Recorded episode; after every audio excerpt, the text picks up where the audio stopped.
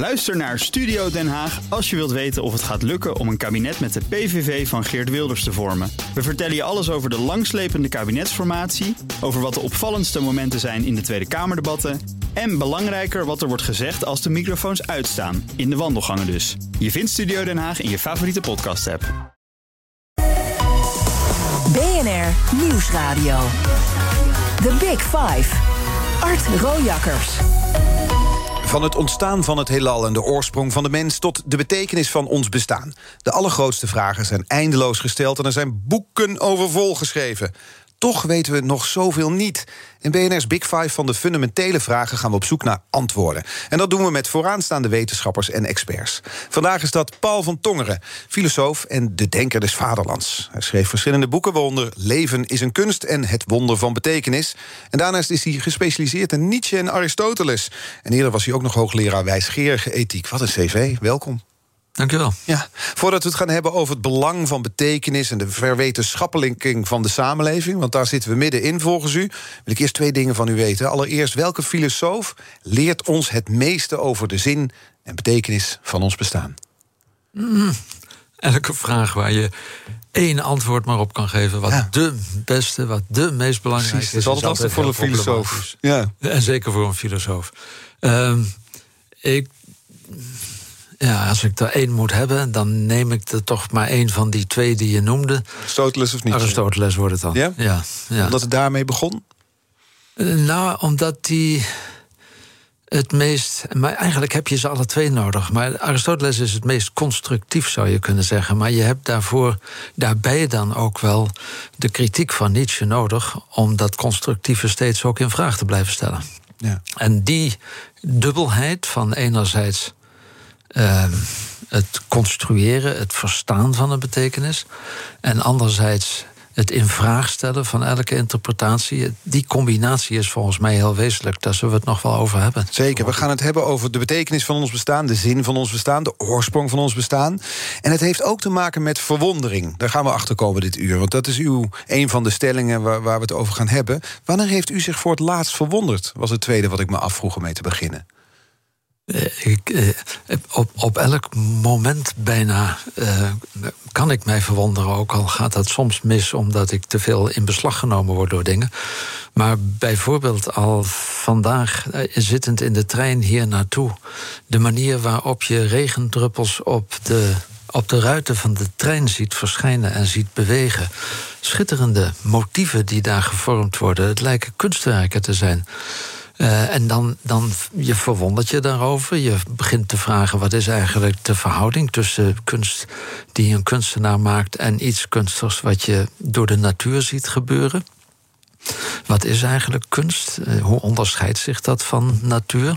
Nu ja, dat soort vragen komen als vanzelf op dan. Dus... Je had er ruim de tijd voor, want de trein had vertraging, hè? Ja, precies. Ja, dat scheelde, ja. En het regende nogal. Ook nog eens, ja. ja. We hebben deze week in de Big Five over de fundamentele vragen, zo hebben we het maar genoemd. De oerknal, het ontstaan van planeten, de oorsprong van leven.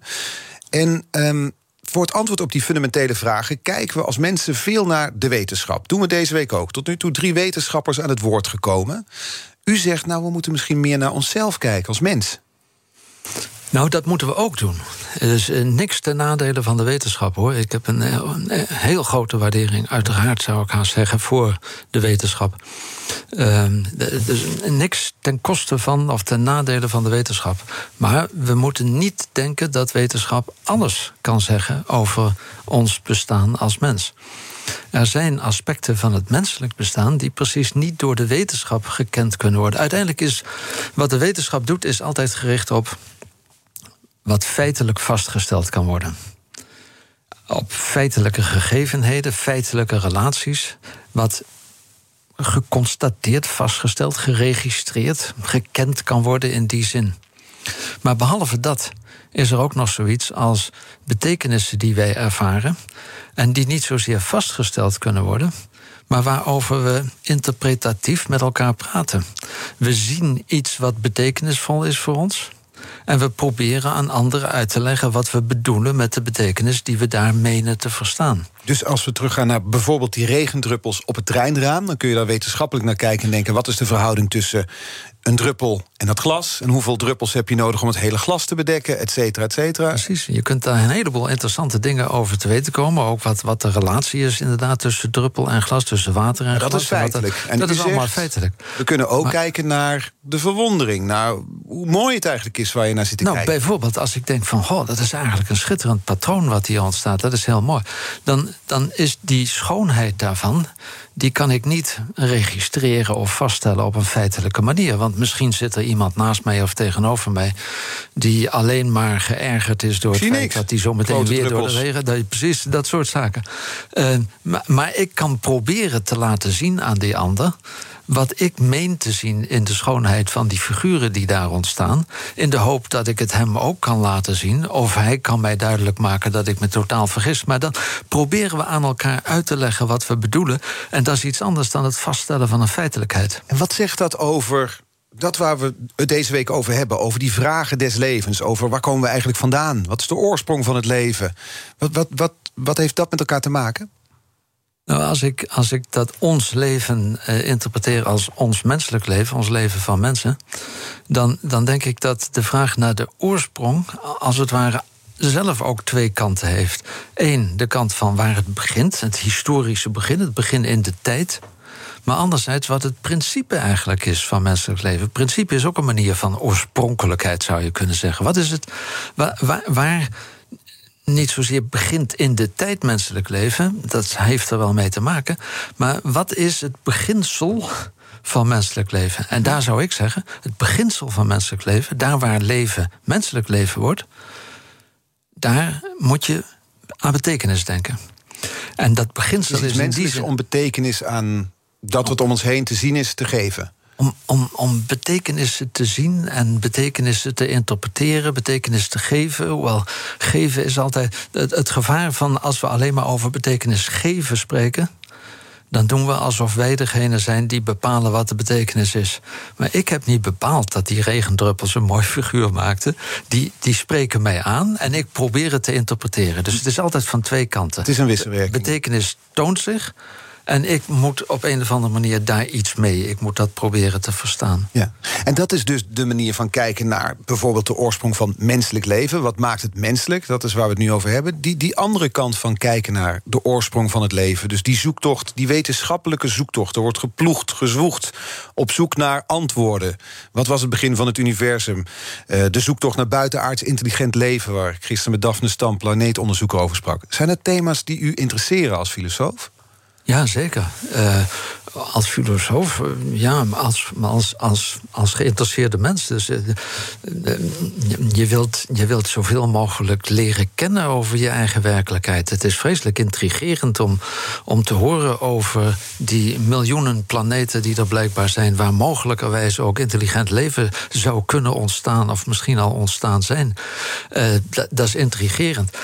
Waar ik dan vervolgens als filosoof over nadenk is, maar wat betekent dat nou voor ons?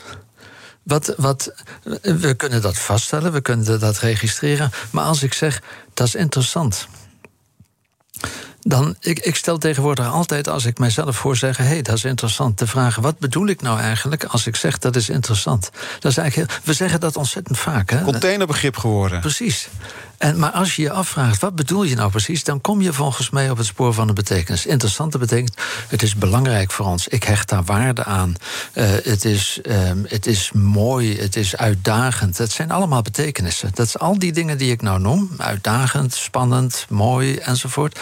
zijn allemaal van die betekenissen die je niet objectief kunt vaststellen, registreren. Maar die zich wel op een of andere manier melden, die wij interpreteren.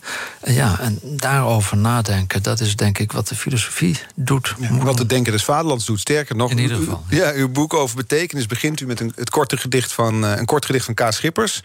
Het is eh, zo kort dat ik het hier wel kan, kan eh, voordragen. Als je goed om je heen kijkt, zie je dat alles gekleurd is. Ja, schitterend, hè?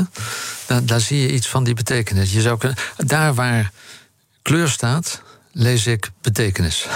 En Dat was de reden waarom we dat daar hebben opgenomen.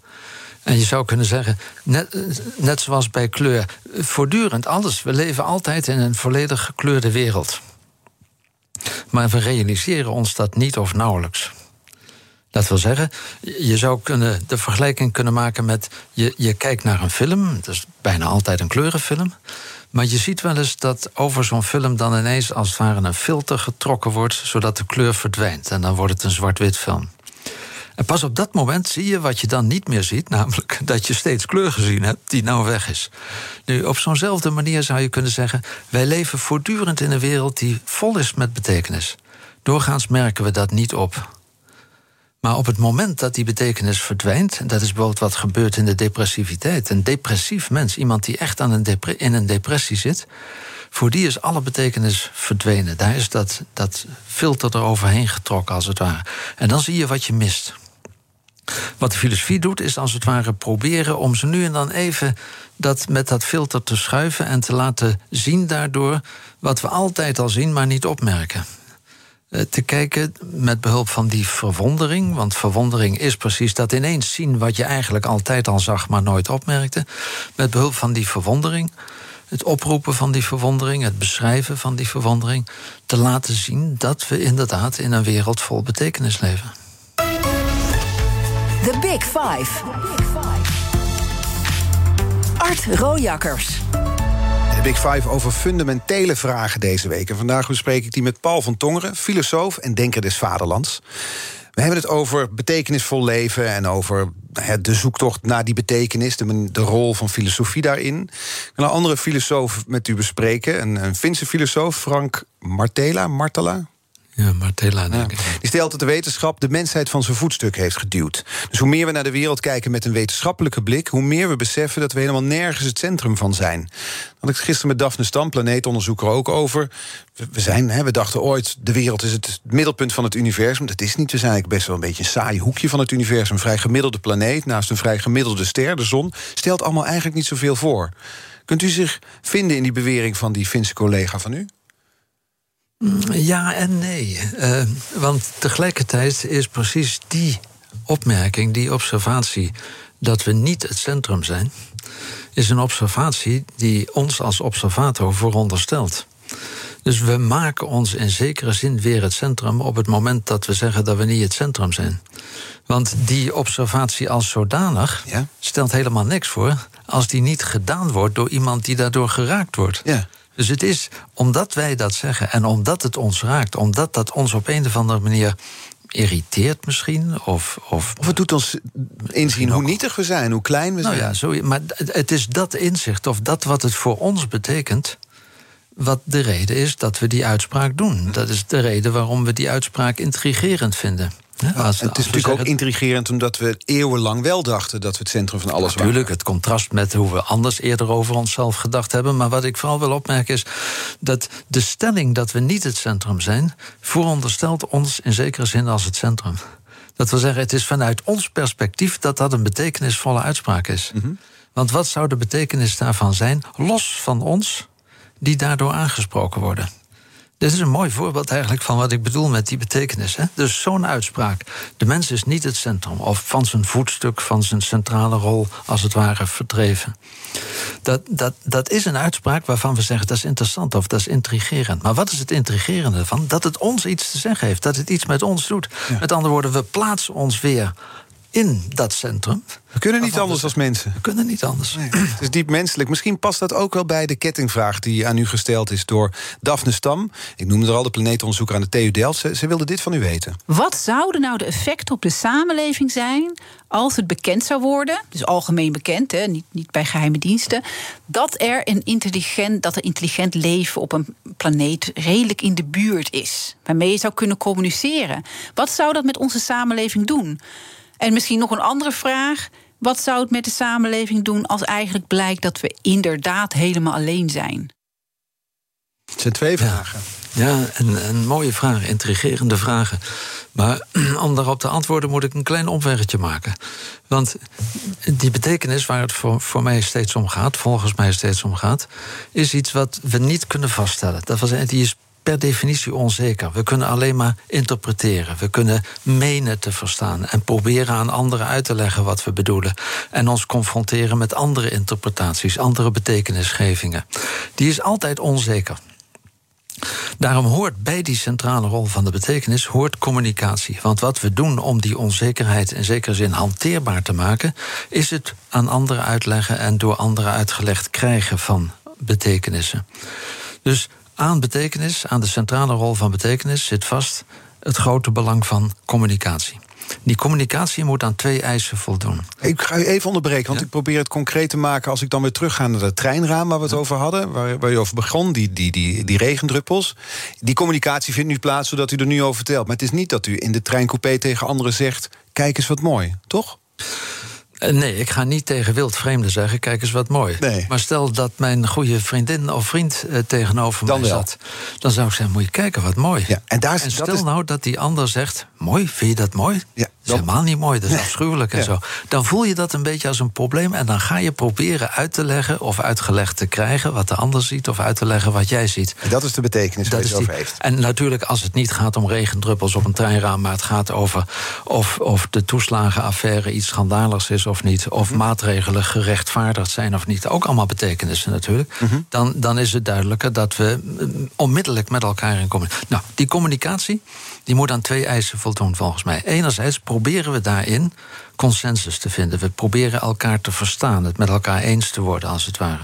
Tegelijkertijd ook al zijn we het met elkaar eens, de onzekerheid, van, de principiële onzekerheid van die betekenis blijft staan. Dus we moeten altijd ruimte houden voor dissensus, voor oneenigheid. Die twee dingen. Ja. Nu. En dan, van daaruit kom ik op De vraag van Daphne Stam. Ja, het lijkt een lange omweg, maar volgens mij is die daarbij nodig.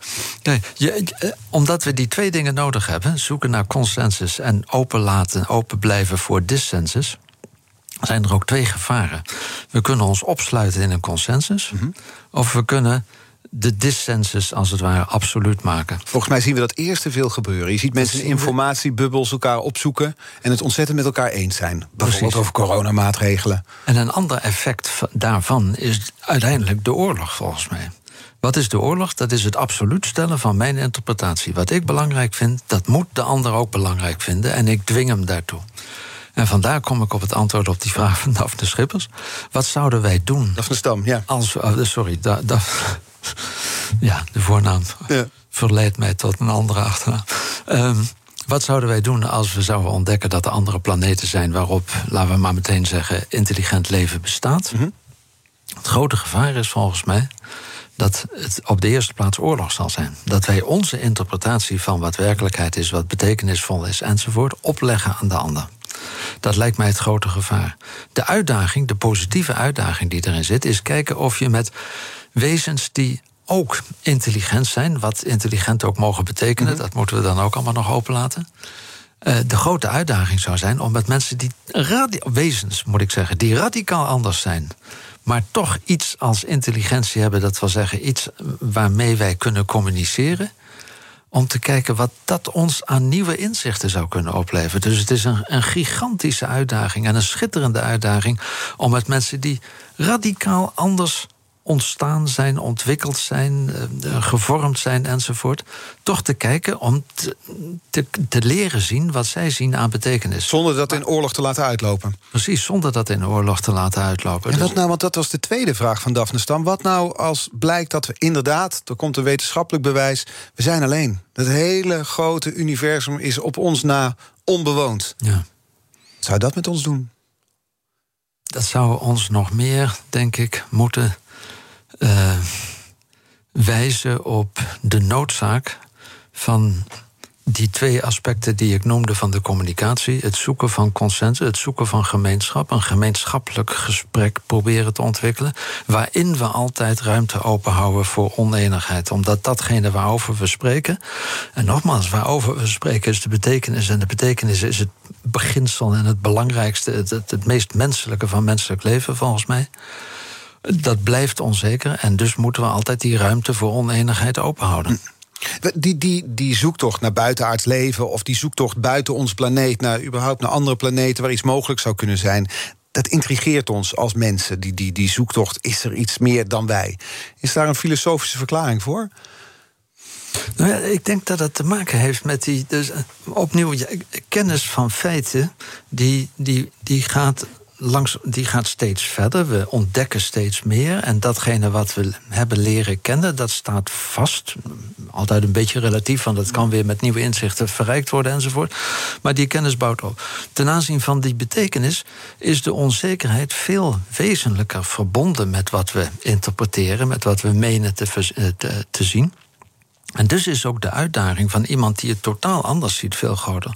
Dat wil zeggen, het, het is een beetje vergelijkbaar met de reden waarom wij uh, bijvoorbeeld graag reizen naar gebieden waar we nog niet geweest zijn. Spreken met mensen mhm. die we nog niet kennen. Dat wil zeggen, als we echt geïnteresseerd blijven in die betekenis, want het gevaar is opnieuw dat we maar liever niet naar het vreemde toe gaan, omdat we bij ons gezellig onder ons en weten wat we aan elkaar hebben enzovoort, en dan de, net doen alsof we weten wat de betekenis is. Nieuwsgierigheid blijft belangrijk. Dat blijkt ook dadelijk in het tweede half uur, wanneer ik verder spreek met filosoof en denker des Vaderlands Paul van Tongeren. Dan gaan we het hebben over zinvol leven. Blijf luisteren.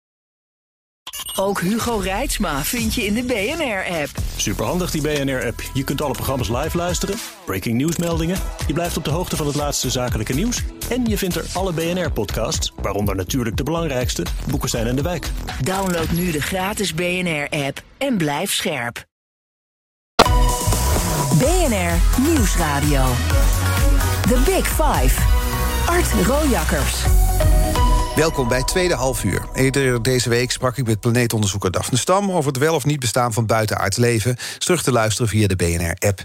Vandaag de gast Paul van Tongeren, filosoof en denker des Vaderlands. En het komende half uur wil ik in ieder geval nog twee onderwerpen met u bespreken. Namelijk waarom we niet altijd voldoen aan onze morele plichten als mens. En ook over de vraag wat nou eigenlijk een zinvol leven is. Want het heeft misschien wel te maken met die vraag naar de oorsprong van het menselijk leven. Dus laten we met dat laatste beginnen. Want filosofische, religieuze stromingen die houden zich al honderden, duizenden jaren bezig met zingevingsvragen, zoals dat dan heet. Het is voor ons belangrijk hè, voor mensen om een zinvol leven te leiden. Ja. Waar zit hem dat in? Uh, waar zit hem dat in?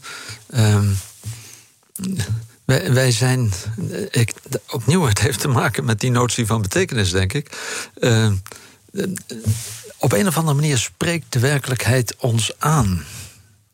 Op een manier die vragen oproept. Waarom doen we wat we doen? Waarom zijn we hier? Waarom hebben we het hier over? Waarom leven we überhaupt?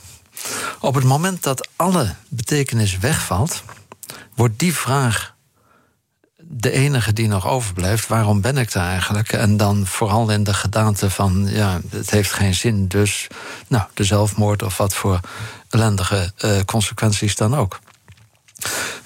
Dat, dat wij aangesproken worden, dat verklaart waarom wij die vragen stellen. Wat betekent het? We worden aangesproken door betekenis en we vragen ons af, maar wat is dat dan? Wat is dan die betekenis? Wat, waarom Waarom ik denk ben ik dat, hier? Ik denk dat dieren zich niet afvragen waarom ze er zijn. Nee. Ik was laatst nog een artist en keek naar stokstaartjes. Ik had ook niet het idee dat ze dan, terwijl ze daar boven op zo'n steentje zitten, nee. daarover nadenken. En, en dat was heeft... ook wel licht jaloers op ze. Precies. Want eh, dus ik zeg soms wel eens dat, dat betekenis verstaan is dat wat de mens onderscheidt van het dier. En dan zijn er soms mensen die zeggen: Nou ja, maar dieren kunnen toch ook enzovoort. Dan zeg ik: Wat mij betreft is het goed hoor, als dieren dat ook kunnen. Maar of ze er nou gelukkig van worden, dat is maar de vraag. Hè? Tampie voor de dieren, des te erger zou je kunnen zeggen. Want met dat betekenis verstaan komt er ook een heleboel ongeluk natuurlijk.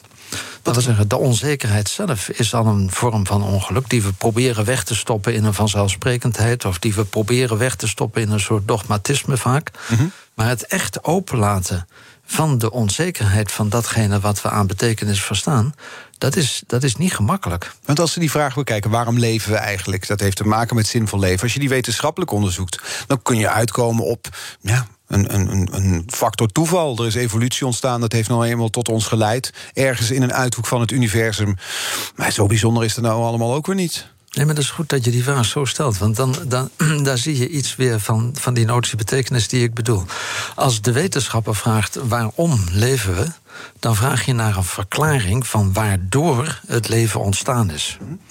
We leven doordat er iets gebeurd is in de, in, weet ik het, in, in de, de, de ontwikkeling van uh, chemische stoffen enzovoort. en daardoor is er levend materiaal ontstaan. En daardoor is er in dat levend materiaal van alles en nog wat gebeurd. Totdat uiteindelijk daar ook de, de, de mens uitkomt. Dat is waardoor. Hoe kan ik verklaren uit een oorzaak dat het er is zoals het er nu is? Als wij vragen waarom leef ik eigenlijk, dan bedoel ik helemaal niet te zeggen wat is de oorzaak ervan dat ik er ben. Dat is waartoe. Uh, waar is het goed voor? En dat verwijst niet naar een oorzaak die achter mij ligt, maar naar een doel, naar een betekenis. Dus. Is daar een antwoord op? Waar is het goed voor? Waar is het goed voor dat we leven of dat nou, we zinvol denk, leven? Ik, denk steeds meer eerlijk gezegd dat die, die vraag naar wat de zin van het leven is, wat het doel van het leven is, mensen het gevaar loopt van meet af aan eigenlijk uh, uh, in, een, in een soort dwaalspoor te komen. Doordat die suggereert alsof er één uiteindelijke, één laatste, één ultieme, één absolute zin zou zijn. Ik denk eerder dat we zouden moeten. Uh, het, het zouden moeten opvatten op deze manier. Dat precies het leven in het besef van al die betekenis die voortdurend door ons verstaan wordt, dat dat de betekenis van het leven. Het betekenisvol leven is niet de absolute zin ergens gevonden hebben, maar is te midden van betekenis leven en het betekeniskarakter van menselijk leven inderdaad ook recht doen. Dat we zeggen, we kunnen ons reduceren tot dieren. We kunnen ons reduceren door dieren, door alles wat van, de notie, van, van, van betekenis is, als het ware, weg te verklaren. Of in een dogmatische interpretatie vast te zetten, zodat het niet meer die onzekerheid heeft die wezenlijk is voor de betekenis. Als we dat doen, dan verdierlijken we, zou je kunnen zeggen. Dan maken we onszelf tot automaten. Maar als we het samenvatten is zinvol leven eigenlijk de onzekerheid van het bestaan. Al die vragen waar we het antwoord niet op hebben, die we deze week ook behandelen, omarmen. Leven te midden van betekenis en de onzekerheid van die betekenis recht doen. Maar nog, nog, nog even over de, dat, dat verdierlijken. Ik denk dat het, het, jezelf opsluiten in een bubbel een voorbeeld daarvan is. Jezelf opsluiten in een bubbel is als het ware het dogmatisch vastzetten van de betekenis. Geen ander geluid, geen andere interpretatie meer toelaten. Is dat iets, kunt u dat concreet maken, wat u nu ziet bijvoorbeeld in de maatschappij? Nou ja, dus we hebben het in de, in de hele coronaperiode heel duidelijk gezien. Hoe, hoe posities tegenover elkaar komen te staan die niet naar elkaar luisteren. Mensen die denken dat één groot complot is, de vaccinaties niet werken. En mensen maar, die alleen maar in de vaccinaties geloven als uitweg uit. En ook alleen nog maar binnen die bubbel. En wij allemaal zijn, zijn bedreigd door dat gevaar van opsluiten in de bubbel. Dus ook als je een verstandige kant leest, ja, dan dat is ook een zekere bubbel. En je moet echt moeite doen om ook columnisten te lezen waar je niet van houdt. Je moet echt moeite doen om ook te luisteren naar stemmen waar je het niet mee eens bent enzovoort. Dus het is, het is, het is een voortdurende uitdaging. Maar die manier van je opsluiten in een bubbel en, en je opsluiten in een massa bijvoorbeeld. De massa, wat we nou weer hebben gezien met de gewelddadigheden rond de voetbalstadions. Uh, vorige week bijvoorbeeld. Mm Daar zie je als het ware de fysieke gedaante van de bubbel in de massa. Dat is ook een manier om. De fysieke gedaante van de bubbel in de massa. Dus je ziet daar een groep mannen, zijn het in dit geval bij het voetballen, die, die, andere mannen te lijf gaan. En dat is dan een informatie. Want zij, mijn club is de beste en die van jou niet. En dus gaan we elkaar te lijf. Precies. Dan hebben we dus de oorlog. Dat we zeggen, een klein oorlogje is dat dan. En dat is juist nou het tegenovergestelde, zegt u, van betekenisvol of zinvol leven. Ja, dat is eh, in die zin het tegenovergestelde dat je de, de, de wezenlijke onzekerheid die bij die notie betekenis hoort. Misschien is die andere club of iets goed of slecht is, of iets rechtvaardig of onrechtvaardig is, of iets interessant of spannend of saai of weet ik het. Al die betekenissen. Als je niet meer de onzekerheid daarvan toelaat, maar verabsoluteerd, verdogmatiseerd door alleen nog maar te luisteren naar wie het met je eens is, door alleen nog maar uh, dogmatisch jouw positie naar voren te brengen, uh, dan, dan ontmenselijk je in zekere zin. En dan is een of andere vorm van oorlog het enige mogelijke effect nog, denk ik. Dus coronaprotesten, we hebben ze in heel veel steden gezien. In Amsterdam en Den Haag, overal. Mensen die zeggen, dit gaat de verkeerde kant op. We willen hier paal en perk aan stellen. Dat, dat, heeft daar ook, dat raakt daar ook aan? Ik denk dat die protesten soms het karakter hadden... inderdaad eerder van de oorlog, zoals ik het begrip oorlog nu gebruik... dan van uh, de communicatie die nodig is bij... bij uh, het betekent niet dat alle protesten natuurlijk altijd een vorm van oorlog zijn. Helemaal niet. Nee, want, de mensen die protesteerden tegen coronamaatregelen... deden dat juist misschien ook wel om te zeggen... we moeten ons bestaan, een zinvol bestaan, verdedigen. Dit is niet meer menswaardig leven... als we ons onder het juk van al die coronamaatregelen laten knechten. Precies, en als dat gebeurt op een manier dat je probeert jouw interpretatie van de betekenis van maatregelen duidelijk te maken aan een ander, maar daar hoort bij de ander toelaat om jou duidelijk te maken waarom die een andere opvatting, een andere interpretatie heeft, als het dus een vorm van communicatie is, van gesprek, van uitwisseling is enzovoort, dan realiseren we onze menselijkheid. Daar waar we onze positie dogmatiseren op een of andere manier. en de oorlog het uiteindelijke resultaat daarvan is. een of andere soort van oorlog. dan ontmenselijken we volgens mij. En, dan doen we, en dat, dus het principe daarvan, de oorsprong of het beginsel daarvan. zit hem in die notie van betekenis. Wij zijn betekeniswezens. en aan betekenis zit die onzekerheid vast. En wij kunnen dus niet anders, als we mens willen zijn. om met elkaar betekenissen uit te wisselen. en dus. Met elkaar te blijven spreken ook, te blijven communiceren. Ja. Maar dan leidde u voor het laatst een zinloze dag, zinloos leven, zinloos moment? Kan ik me niet herinneren, eerlijk gezegd. Nee. Nee. Dus, nou ja, misschien ook omdat ik dankzij deze, deze uitdagende functie van Denker des Vaderlands nu zo verschrikkelijk veel interessante mensen ontmoet en interessante uh, uh, uitdagingen krijg in, in, in de vorm van vragen en bezoeken enzovoort. Eh, dat het wel heel moeilijk is om, om niet voortdurend op die notie van betekenis gewezen te worden. Ja, nou, maar ik kan wel eens thuis op de bank liggen na bijvoorbeeld een, een, een indrukwekkend gesprek bij de Big Five. En dan moet ik bijkomen en dan ga ik eindeloos liggen scrollen door mijn social media. Dat is weinig zinvol allemaal kan ik ook weinig betekenis aan geven. Maar ik heb het dan wel even nodig, blijven. Misschien heb je dan te veel vrije tijd als je dat soort dingen gaat doen. Nou, zou dat het zijn? Als, als je in, in, in die richting iets zoekt, dan zou ik zeggen... ja, ik heb ook een tijdje naar voetballen zitten kijken. Dat is ook... Totaal zinloos. Zometeen praat ik verder met Paul van Tongeren, de Denker des Vaderlands. Eerst naar Ivan Verrips, de Denker des BNR's, zou ik zeggen? Weet het niet. Nou, in ieder geval Ivan Verrips om 11 uur BNR breekt. Wat is vandaag het breekijzer? Geen tijd om te denken hier, jong. Nee, jij moet door, door, door. Is die ochtend, nu weer dit. Precies, ons breekijzer vandaag is... Eh, de overheid is het belang van de boeren inderdaad volledig uit het oog verloren. Dat heeft natuurlijk te maken met dat verhaal in de Volkskrant vanochtend. Onderzoek van eh, INO Research. Waaruit blijkt dat uh, Nederlandse veeboeren... het vertrouwen in de overheid totaal zijn kwijtgeraakt. In nou ja, de Rijksoverheid, maar ook in het RIVM. Ook in hun eigen ministerie, ministerie van Landbouw... in de demissionair minister die daar zit. Allemaal kunnen ze niet op heel veel steun rekenen. Um, bovendien zeggen die boeren, het CDA, dat is onze partij niet meer. Het is inmiddels BBB geworden. Mhm. Die boeren hebben het gevoel dat ze al decennia doen wat eh, Den Haag van ze vraagt... maar dat het nooit genoeg is. Uh, bemoeizocht, onkunde zijn termen die die boeren laten vallen.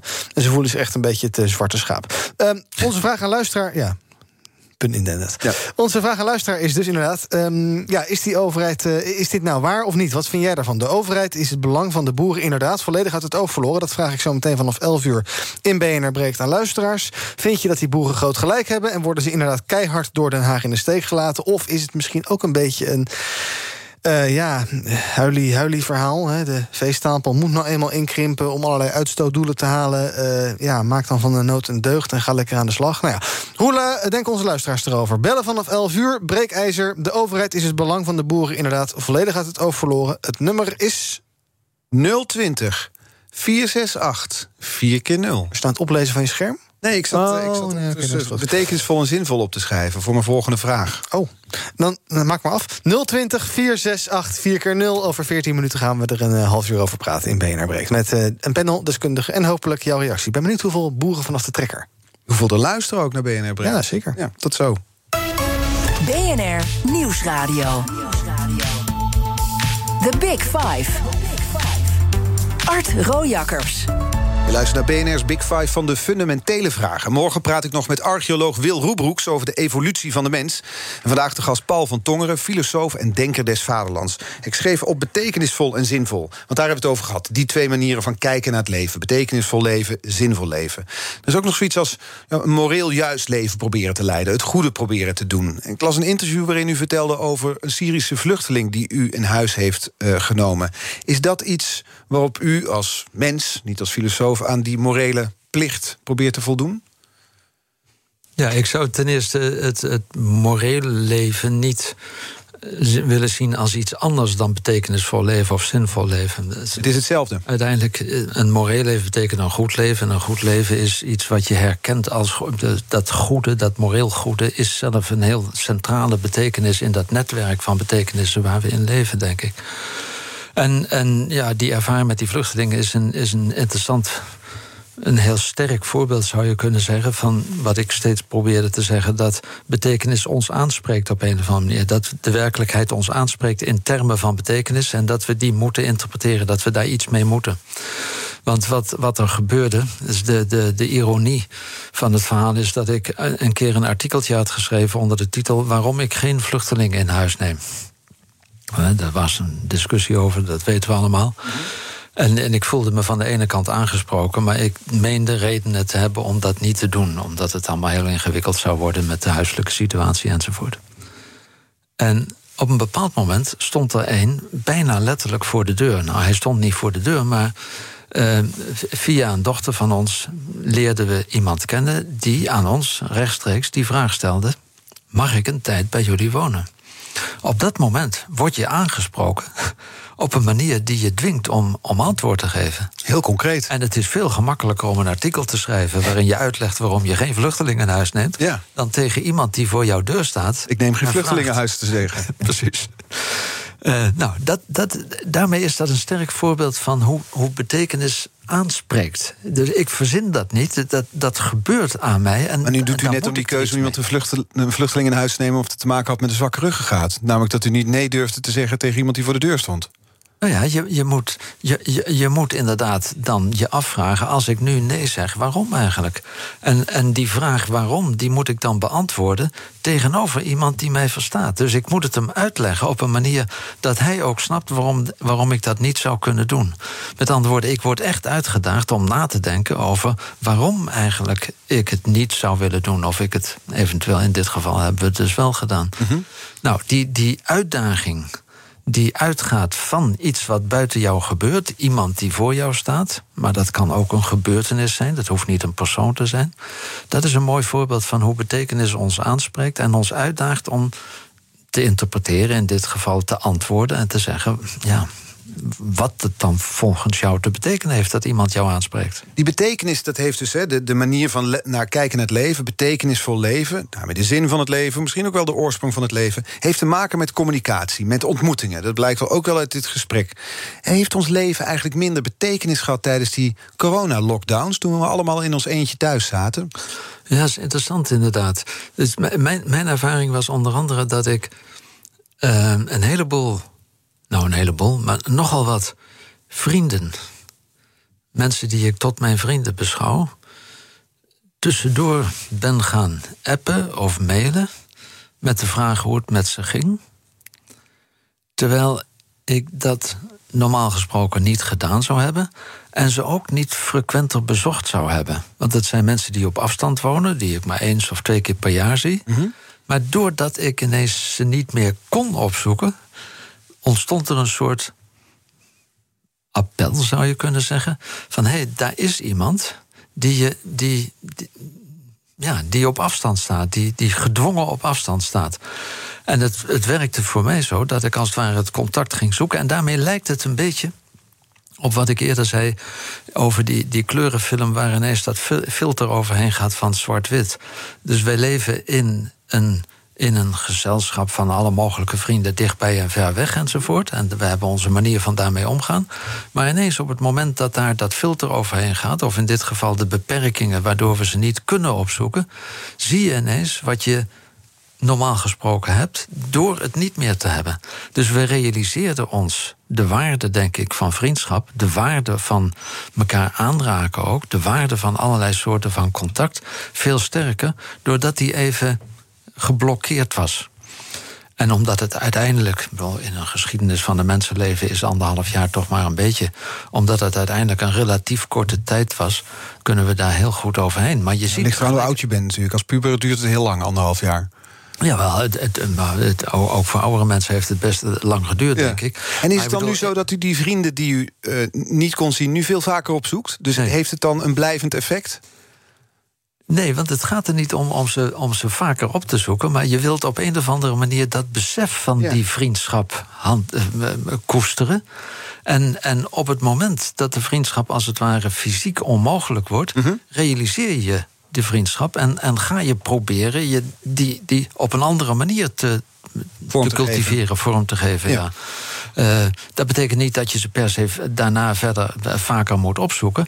Maar op, het moment dat die mogelijkheid er is, dat is de vanzelfsprekendheid, zou je kunnen zeggen, waarin we doorgaans leven, hebben we het niet nodig om uitdrukkelijk daar eh, dingen voor, voor te ondernemen. Maar het is eigenlijk heel goed dat zo nu en dan dat filter er even overheen trekt, omdat we dan ineens ons realiseren wat we altijd al hebben maar doorgaans niet zien. Dat is ook trouwens wat ik bedoelde met die notie wonder in die titel, het wonder van betekenis. Wonder verwijst niet naar een of andere bovennatuurlijke gebeurtenissen. Wonder verwijst naar verwondering. En wat is verwondering? Dat is volgens mij ineens opmerken wat je altijd al ziet, maar doorgaans niet opmerkt. En zo merkte ik de waarde van de vriendschap op op het moment dat die even onmogelijk was. Ja. Dus het alledaagse krijgt meer zin. Precies. Morgen is Wil Roebroeks mijn gast, een van de meest invloedrijke archeologen van Nederland. Ook bezig met nou, fundamentele vragen. Dat waar wij als mensen archeologisch gezien onze sporen hebben achtergelaten. Eh, wat zou u van hem willen weten in het kader van de kettingvraag? Ja, eh, archeologie gaat, eh, gaat denk ik uiteindelijk vooral, of misschien zelfs uitsluitend, over de geschiedenis van de mensheid. Over de geschiedenis van de werkelijkheid, voor zover de mensheid daarin een rol speelt. En waar, ik heel erg geïnteresseerd in zou zijn, is om meer te horen over het moment waarop eh, in die geschiedenis zoiets als taal ontstaat. Taal die nodig is voor de communicatie. En iets waar we het helaas helemaal niet over gehad hebben: eh, kunst. Want ik denk dat behalve filosofie eh, ook de kunst een ongelooflijk belangrijke rol speelt in dit naar voren halen van betekenis. En, en ik zou vermoeden vanuit mijn manier van denken over betekenis, dat kunstuitingen en taaluitingen ongeveer gelijk oorspronkelijk zouden zijn. En ik zou benieuwd zijn om van hem te horen of dat inderdaad het geval is. We gaan het hem eh, morgen voorleggen. Dus Wil Roebroeks, archeoloog die onze week van de fundamentele vragen komt afsluiten. Waarin wetenschappers aan het woord waren tot nu toe. En vandaag dus de Denker des Vaderlands, filosoof Paul van Tonger. Ik wil u danken voor uw komst vandaag en de woorden die we over de fundamentele vragen hebben kunnen uitwisselen. Alle afleveringen van BNR's Big Five zijn terug te luisteren. De podcast is te vinden in de BNR-app en op bnr.nl. Nu op deze zender Iwan Verrips, die het gaat hebben over boeren in BNR Breekt. Tot morgen. Ook Hugo Reitsma vind je in de BNR-app. Superhandig die BNR-app. Je kunt alle programma's live luisteren, breaking nieuwsmeldingen. Je blijft op de hoogte van het laatste zakelijke nieuws. En je vindt er alle BNR-podcasts, waaronder natuurlijk de belangrijkste, Boeken zijn in de wijk. Download nu de gratis BNR-app en blijf scherp.